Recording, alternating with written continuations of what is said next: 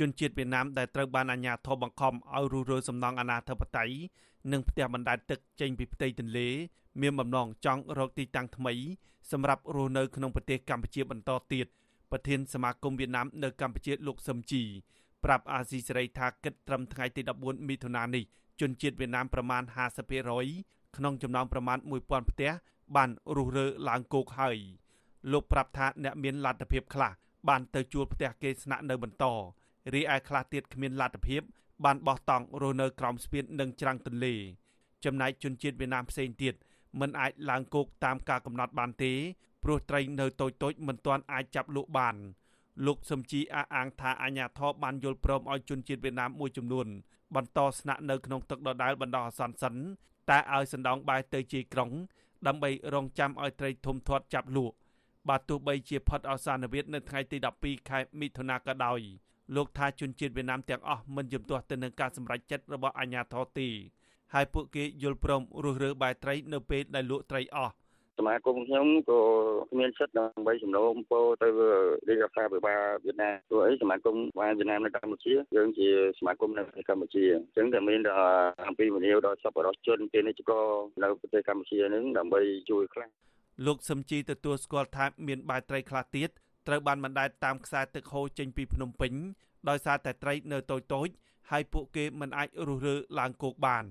ទោះជាយ៉ាងណាលោកឲ្យដឹងថាជនជាតិវៀតណាមដែលធ្លាប់ស្នាក់នៅតាមទន្លេគ្មានបំណងវិលត្រឡប់ទៅប្រទេសវៀតណាមវិញទេ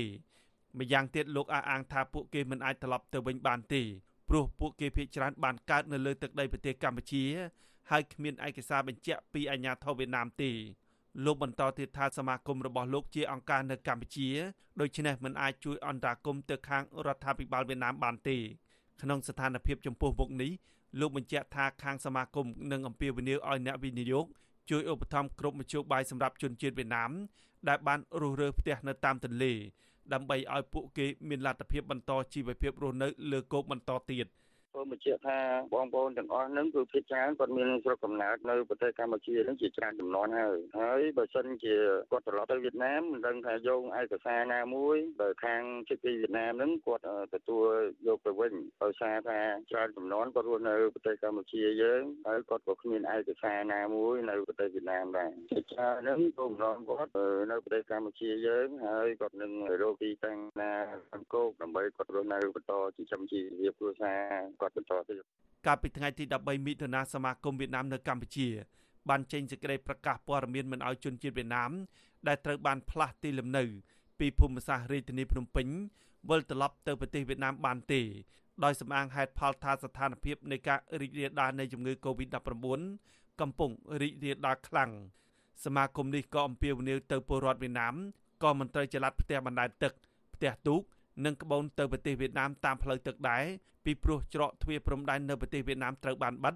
និងមិនអនុញ្ញាតឲ្យមានមនុស្សចេញចូលប្រទេសវៀតណាមបានឡើយសេចក្តីប្រកាសដដែលបានបញ្ជាក់ថាសមាគមបានធ្វើការជាមួយនឹងអាជ្ញាធរកម្ពុជាហើយអាជ្ញាធរក៏បានសម្របសម្រួលដល់ប្រជាពលរដ្ឋវៀតណាមដែលត្រូវបានផ្លាស់ប្តូរលំនៅឋាននៅតាមដងទន្លេនៅក្នុងភូមិសាស្ត្ររាជធានីភ្នំពេញ ដូច្នេះសមាគមស្នើដល់ពួកគេត្រូវគោរពទៅតាមគោលការណ៍របស់អាជ្ញាធររាជធានីភ្នំពេញដោយស្ម័គ្រចិត្តនិងរុះរើទៅចតនៅទីតាំងថ្មីដែលកំណត់ដោយអាជ្ញាធរនៅក្នុងភូមិគ្រោះសង្កាត់សំរោងខណ្ឌព្រែកភ្នៅជុំវិញការកំណត់ទីតាំងនេះអាស៊ីសេរីមិនអាចសូមការបញ្ជាក់ពីអ្នកនាំពាក្យសាលារាជធានីភ្នំពេញលោកមេតមាសភក្តីនិងអភិបាលខណ្ឌព្រែកភ្នៅលោកសុកសម្បត្តិបានទេនៅថ្ងៃទី14មិថុនាទោះជាយ៉ាងណាជនជាតិចាមនិងជនជាតិវៀតណាម ដែលរងការបណ្តេញចេញធ្លាប់ប្រាប់អាស៊ីសេរីថាអាញាធរពិតជាអនុញ្ញាតឲ្យមានបាយត្រីមួយចំនួនចល័តទៅស្នាក់នៅបណ្ដោះអាសន្ននៅម្ដុំវត្តដេជោឧត្តមហៅវត្តគ្រោះពិតប្រកបមែនវិធានការបណ្ដេញអ្នកស្នាក់នៅលើផ្ទៃទឹកទន្លេចេញនេះទទួលបានការសាទរផង និងរិះគន់ផងដោយប្រយ័ត្នប្រយែងពីប្រជាពលរដ្ឋមន្ត្រីបកប្រឆាំងនិងអ្នកខ្លំមើលសង្គម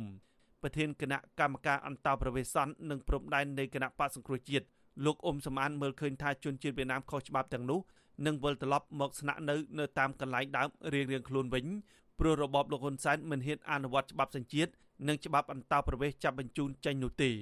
ទោះជាយ៉ាងណាលោកអ៊ុំសំអានជឿជាក់ថារបបក្រុងភ្នំពេញគ្រាន់តែសម្ដែងឲ្យល្អមើលតែប៉ុណ្ណោះព្រោះមិនហ៊ានថ្នាំងថ្នាក់ជាមួយនឹងរដ្ឋាភិបាលវៀតណាមទេតំណាងរាជជាប់ឆ្នោតរួមនេះអះអាងថាការធ្វើបែបនេះគឺខុសពីប្រទេសវៀតណាមដែលកន្លងមក តែងតែចាប់បញ្ជូនប្រជាពលរដ្ឋខ្មែរដែលស្នាក់នៅដោយខុសច្បាប់មកឲ្យកម្ពុជាវិញ។ គឺតែចលោចលោចោះចលោឡើងហ្នឹងតែមិនស្រួលហ្នឹងវៀតណាមគេតវ៉ាចោះតវ៉ាឡើងហ្នឹងឲ្យដីអស់40ហិកតាឬក៏ច្រើនជាង40ហិកតាដោយនៅកំពង់ឆ្នាំងកំពង់ឆ្នាំងហ្នឹងគាត់យកវៀតណាមពីទឹកមកមកនៅលើគោកហ្នឹងដី40ហិកតាឥឡូវអាក្នុងទឹកហ្នឹងក៏អត់តាន់ចេញអស់មកហោះរយៈពេលប្រហែលឆ្នាំហ្នឹងឃើញជាការបរាជ័យមួយឯងដូច្នេះយើងពិបាកសង្ឃឹមថារដ្ឋបាលលោកហ៊ុនសែនហ្នឹងហ៊ានអនុវត្តច្បាប់បន្តប្រវេសនិងច្បាប់សញ្ជាតិដើម្បីបណ្ដេញជនជាតិវៀតណាមចេញពីលើទឹកឬក៏បណ្ដេញជនជាតិវៀតណាមត្រឡប់ទៅប្រទេសវៀតណាមវិញឯង វិជូអាស៊ីសេរីមិនអាចសុំការបញ្ជាក់ពីប្រធានអង្គភិបអ្នកនាំពាក្យរដ្ឋាភិបាលលោកផៃស៊ីផាននិងអ្នកនាំពាក្យអគ្គនាយកដ្ឋានអន្តរប្រវេសលោកកៅវ៉ាន់ថតបានទេនៅថ្ងៃដដែលនេះគិតត្រឹមថ្ងៃទី14មិថុនាមានរយៈពេល12ថ្ងៃហើយដែលអាជ្ញាធររាជធានីភ្នំពេញបានបញ្ជាឲ្យរុះរើសំណង់មិនមានរបៀបរៀបរយចេញពីទន្លេតែការរុះរើជាង10ថ្ងៃមកនេះមិនទាន់អស់ទាំងស្រុងទេជាមួយគ្នានេះអាជ្ញាធររាជធានីភ្នំពេញមិនបានបង្ហាញតួលេខ និងលទ្ធផលផ្លូវការនៃការរុះរើផ្ទះបណ្ដែតទឹក បែត្រី ផ្ទះទូក និងសំណង់មិនរៀបរយទាំងអស់នោះទេអញ្ញាធរក៏មិនបានបញ្ចេញព័ត៌មានជាក់លាក់ពីចំនួនប្រជាពលរដ្ឋវៀតណាមដែលរស់នៅលើផ្ទៃទឹកទន្លេទាំងនោះថាស្របច្បាប់ឬខុសច្បាប់យ៉ាងណានោះទេអ្នកស្រាវជ្រាវការអភិវឌ្ឍសង្គមលោកបណ្ឌិតមាននីអះអាងថារដ្ឋាភិបាលមានកាតព្វកិច្ចទទួលខុសត្រូវចំពោះប្រជាពលរដ្ឋស្របច្បាប់ និងមានកាតព្វកិច្ចអនុវត្តច្បាប់បន្តប្រវេសចំពោះអ្នកស្នាក់នៅខុសច្បាប់ ទោះជាយ៉ាងណាលោកយល់ថារដ្ឋាភិបាលកម្ពុជាទំនងជាមិនអាចអនុវត្តច្បាប់អន្តរប្រវេសន៍ចាប់បញ្ជូនអ្នកស្នាក់នៅខុសច្បាប់ចេញពីប្រទេសកម្ពុជាដោយរដ្ឋាភិបាលថៃនិងវៀតណាមបានទេទោះជាយ៉ាងណាលោកថាពលរដ្ឋនឹងរងចាំមើលនៅក្នុងរយៈពេលខ្លីខាងមុខនេះ សម្រាប់ខ្ញុំខ្ញុំគ្រាន់តែ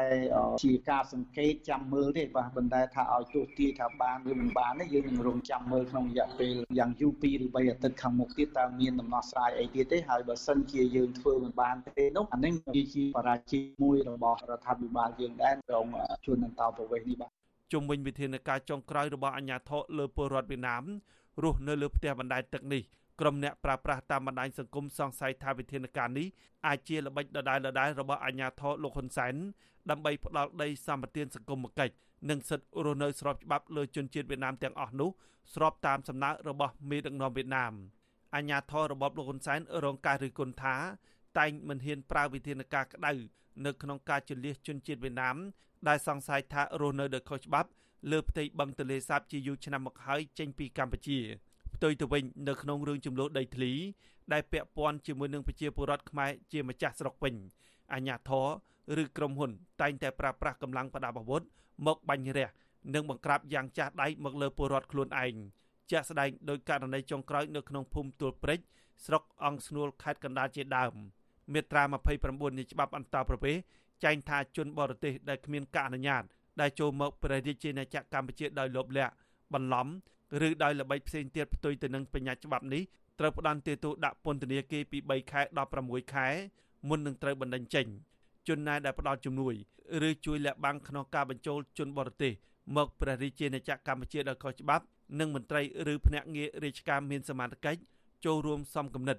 ឬជួយសម្រួលនៅក្នុងការប្រព្រឹត្តបទល្មើសនេះក៏ត្រូវមានទោសជាប់ពន្ធនាគារដែរលទ្ធផលជំរឿនឆ្នាំ2019 បង្ហាញថាជនអន្តោប្រវេសន៍វៀតណាមរស់នៅកម្ពុជាជិត90000នាក់បានដាក់ស្នើសុំបានស្នាក់នៅអចិន្ត្រៃយ៍ជាមួយគ្នានេះអាជ្ញាធរក៏បានដកហូតឯកសារមិនប្រក្រតីពីជនជាតិវៀតណាមជិត20000គ្រួសារដែលមានចំនួនមនុស្សជិត20000នាក់ខ្ញុំបាទហេងរស្មី អាស៊ីសេរីពីរដ្ឋធានី Washington